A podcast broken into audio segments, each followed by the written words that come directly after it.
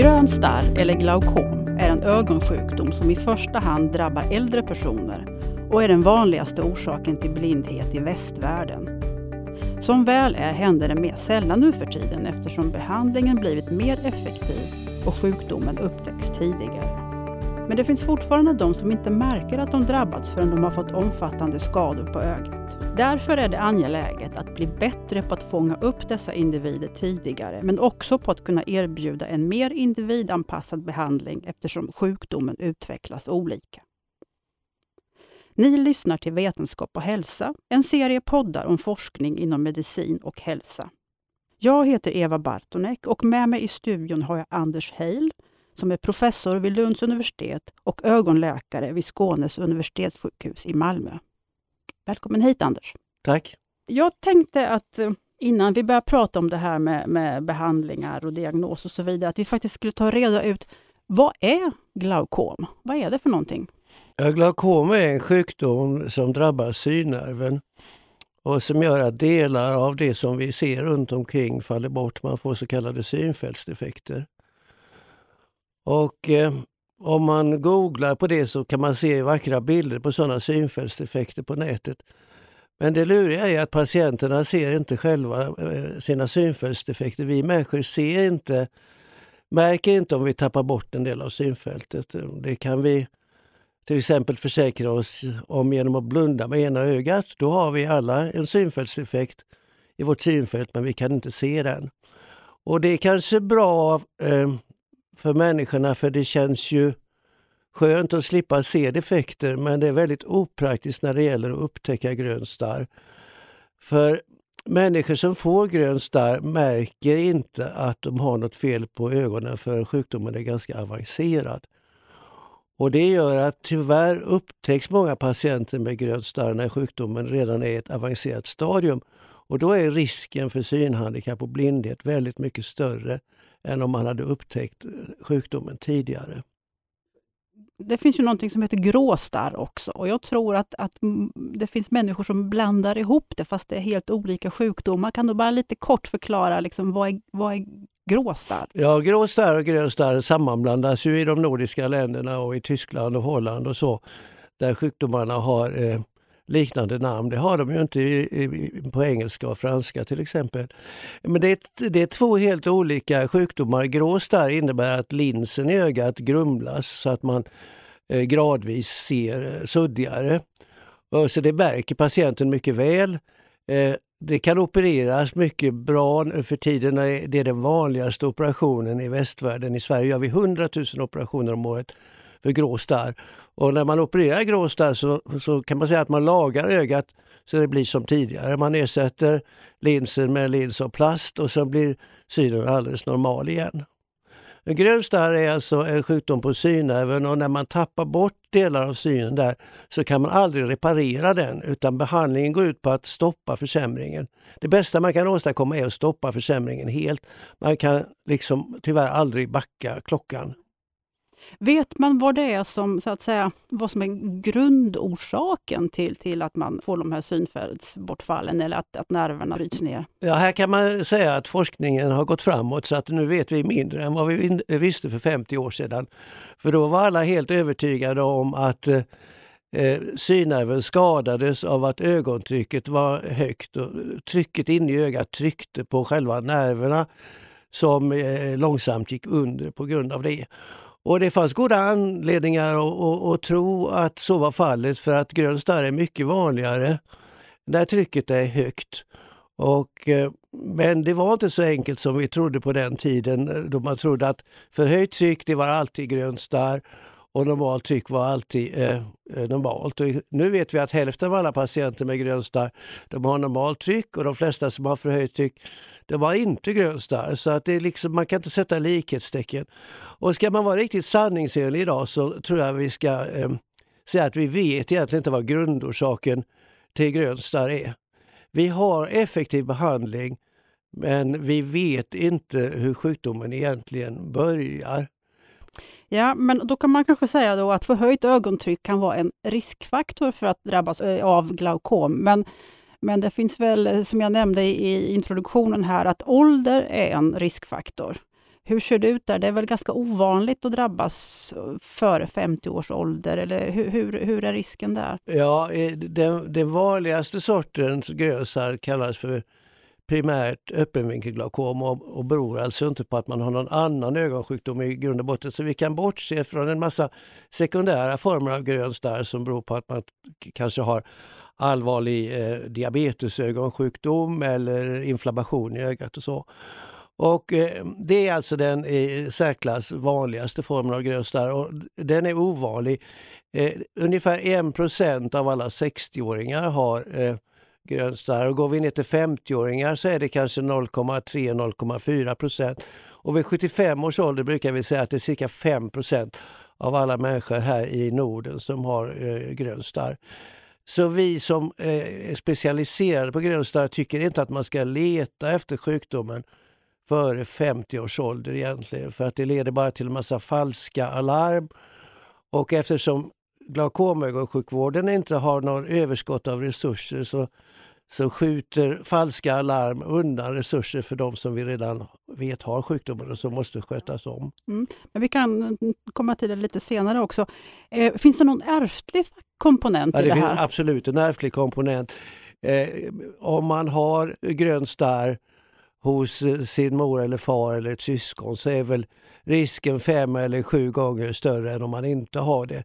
Så att man kan väl säga att om man har eh, grön starr hos någon av sina föräldrar så bör man kontrollera. Så det, det finns ett vårdprogram för glaukom i Sverige och den säger att man bör börja kontrollera vid 50 års ålder och med fem års mellanrum.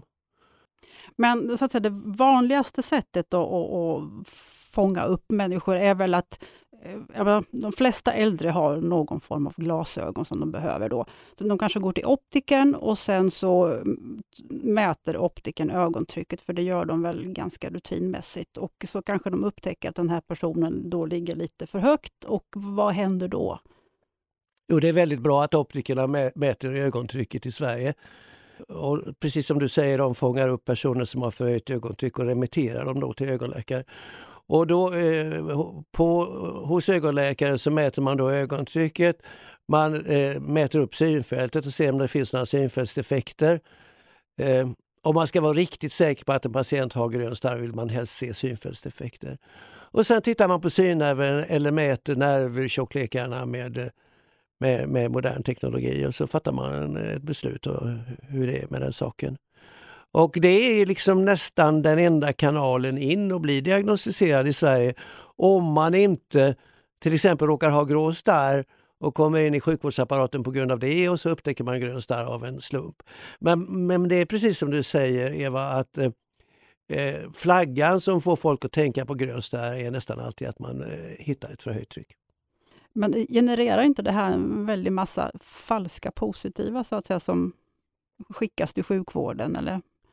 Ja, det, det finns ett missnöje med det på många håll men jag tycker väl det är väl inte så farligt för att eh, eh, faktum är att en sån här kontroll eh, tar inte så mycket resurser och om allting faller eh, väl ut så behöver ju inte den patienten följas inom sjukvården. Och är trycket förhöjt så är det ändå så att patienter eller människor med förhöjt tryck eh, de kontrolleras i vilket fall som helst för att de har en förhöjd risk att få grön starr. Men de kontrolleras sällan, kanske med ett till två års mellanrum. Och det sker genom att man mäter synen, man mäter ögontrycket, man mäter synfältet. Det, det tar kanske 20 minuter vart eller vartannat år. De flesta av dem förblir friska eh, livet ut men efter 15 år så är det väl ändå 20 procent av dem som har fått grön starr. Så det är motiverat att kontrollera dem men inte väldigt ofta och inte alls så noga som vi gör med patienter som verkligen har sjukdomen. Mm.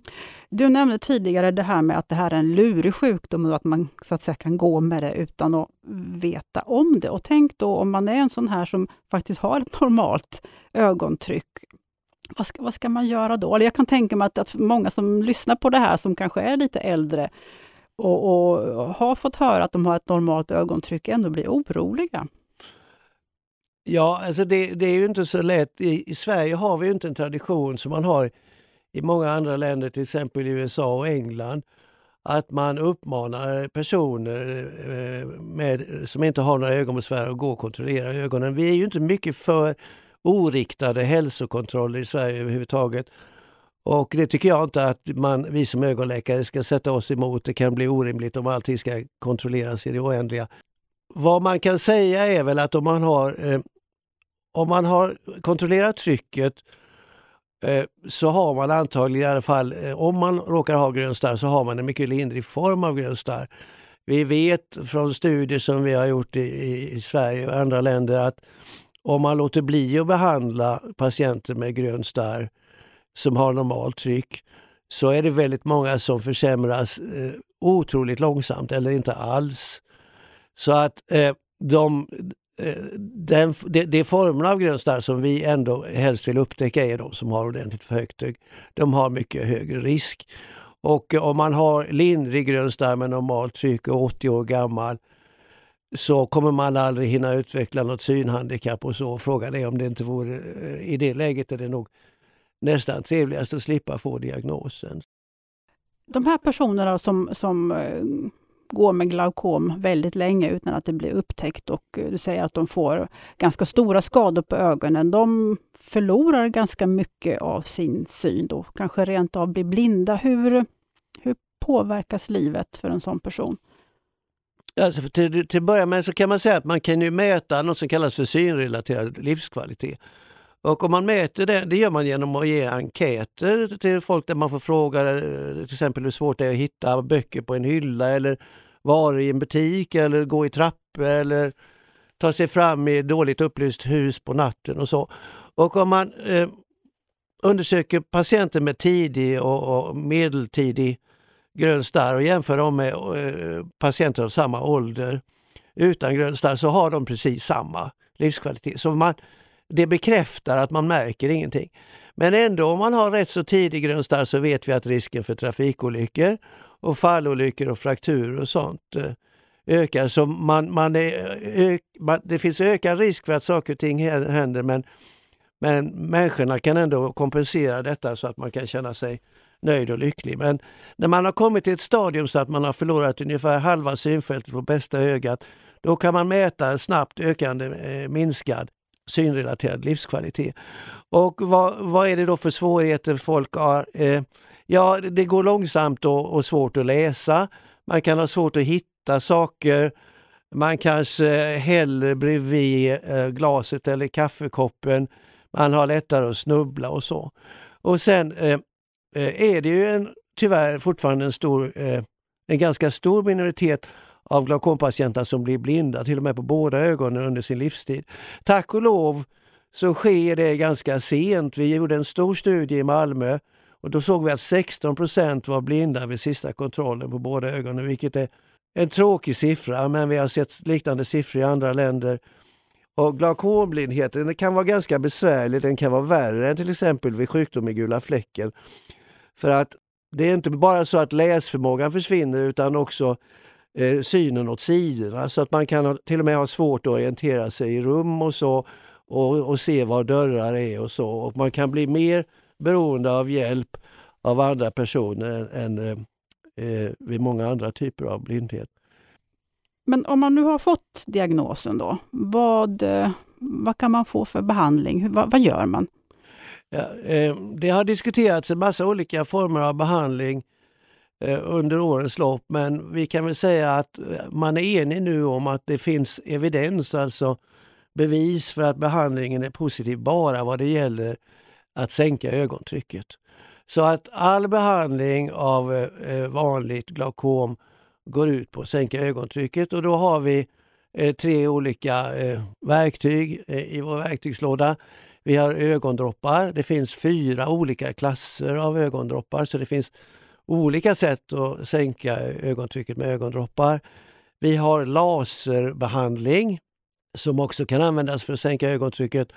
Och i sista hand, om vi inte når dit vi skall med eh, droppar och laser, så finns det olika typer av kirurgi som då går ut på att man skapar eh, konstgjorda avflödesvägar för kammarvattnet genom ögats vägg för att på så sätt sänka ögontrycket.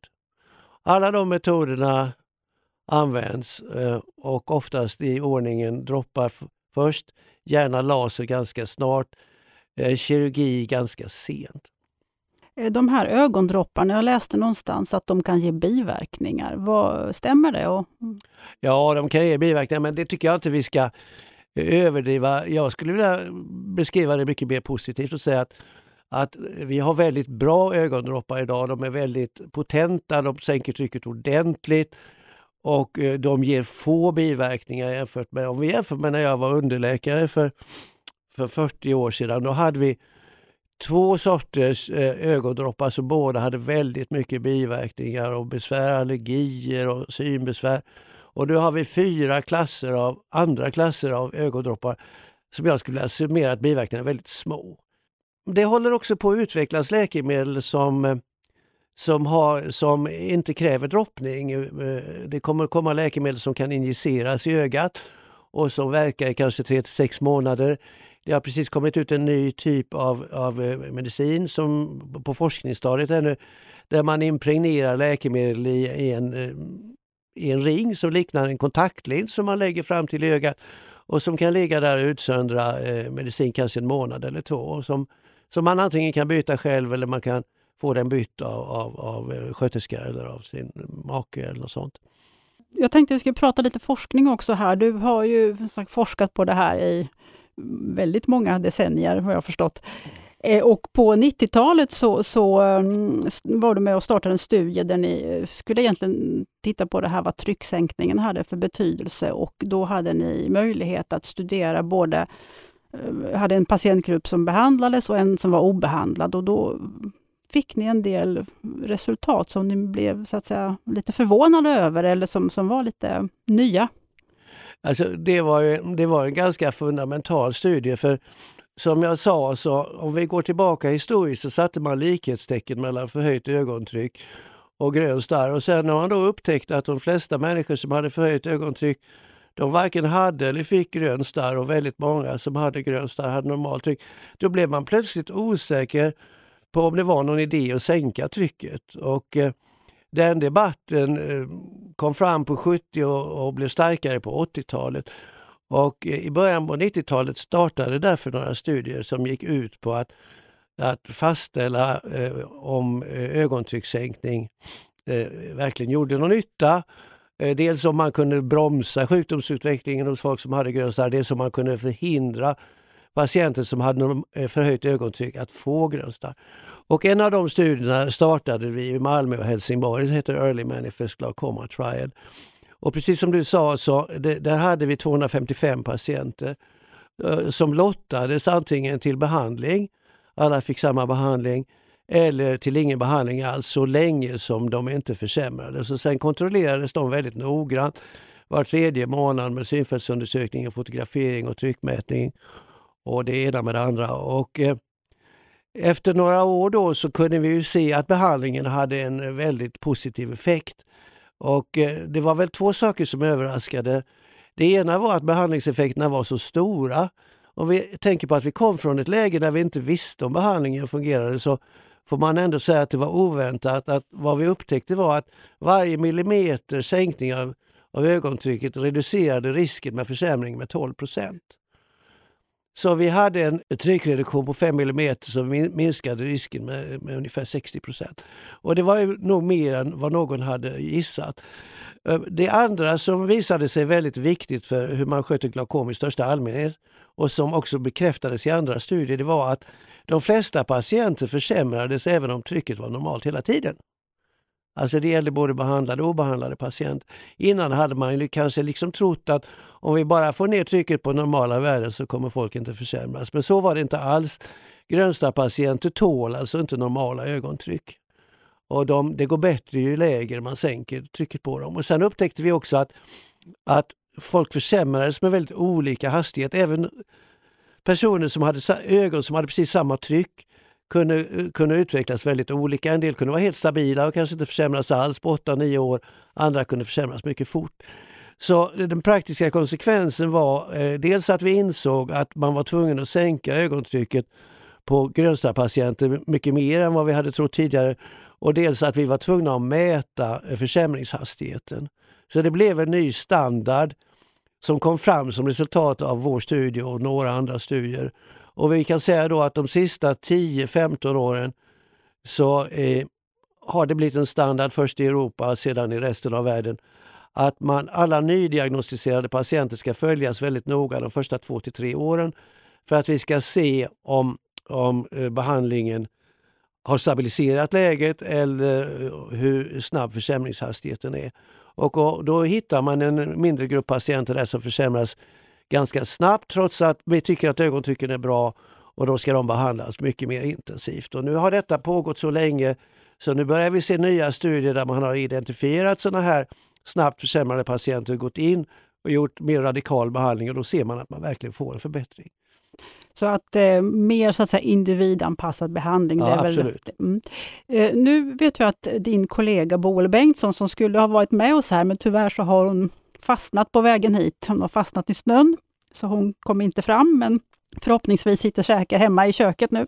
Hon har en pågående studie där hon bland annat jämför då eh, patienter som får så att säga vanlig behandling och de som får en extra intensiv behandling. Kan du berätta något om den studien? Ja, det är docent Bengtssons idé och det är ju väldigt eh, logisk följd på det som vi just pratade om. När vi såg att eh, försämringshastigheten varierar väldigt mycket från patient till patient så ledde det till en, en ny praxis att man ska mäta försämringshastigheten hos varje patient. Eh, och det kräver då att man tar synfält tre gånger per år vilket är ungefär tre gånger mer än vad vi var vana vid att göra förut. Och, utan vi ser ju då att det tar kanske inte två år utan det kanske tar fyra eller fem år innan man har fått en uppfattning om hur det går med ett individuellt öga. Och då kan man ju säga, ska vi verkligen vänta fyra till fem år för att hitta de ögon där den vanliga primära behandlingen inte räcker? Nu när vi har de här utmärkta dropparna och laser som sänker trycket så mycket och som är additiva. Tänk om vi skulle ge patienterna eh, mycket mer behandling från början. Så att i denna studien så lottas patienterna dels till den vanliga behandlingen när man sätter ett måltryck, man, eh, man sänker till det trycket, följer patienten och sen efter tre år kanske så kan man se vad detta är tillräckligt eller inte. Eller också hamnar man i en intensivt behandlad eh, grupp och där får alla patienterna eh, två eh, flaskor med ögondroppar och i den ena flaskan finns det två olika sänkande, eh, ögontryckssänkande substanser. I den andra finns det en till. Och det vill säga de har tre mediciner som sänker trycket och dessutom får de laserbehandling med en gång. Och då är vår hypotes att man kan spara, eh, minska synförsämringen och eh, minska risken för synhandikapp under patientens livstid. Och den studien den har nu pågått, ja, den har pågått lite mer än fyra år och den kommer pågå ytterligare två, tre år och det ska bli väldigt spännande att se där. Det kanske visar sig att det inte blir någon större skillnad. I så fall kan vi fortsätta som man har gjort i hela världen.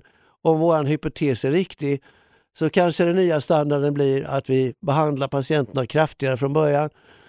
Och då kan man ju säga att man behandlar kanske en hel del patienter i onödan men å andra sidan så förhindrar man allvarliga ögonskador hos en rätt eh, stor eh, grupp ändå. Det ska bli spännande att se. Då kanske vi kan återkomma till det så småningom. Men om du bara här avslutningsvis skulle få ja, kanske önska eller drömma för framtiden. Men hur ser glaukombehandlingen ut, säg om 10-20 år? Ja, jag, är, jag är lite konservativ och skeptisk så att jag skulle vilja fortsätta med ögontrycket och säga att om vi kunde med dagens medicinering och laser så kan man säga att det är ganska vanligt att vi kan hålla våra grönstadspatienter nere på trycknivåer på 13 eller 14. Det kan vi jämföra med medeltrycket hos friska som är 16. Om vi hade kunnat sänka det till 10 eller 11 så tror jag att vi hade blivit av med väldigt mycket av den försämringen som nu sker hos en minoritet, men en stor minoritet som försämras allvarligt fastän trycken är alltså vad vi förr skulle sagt mycket bra. Om man kunde hitta bättre metoder att sänka ögontrycket så tror jag det skulle spela stor roll.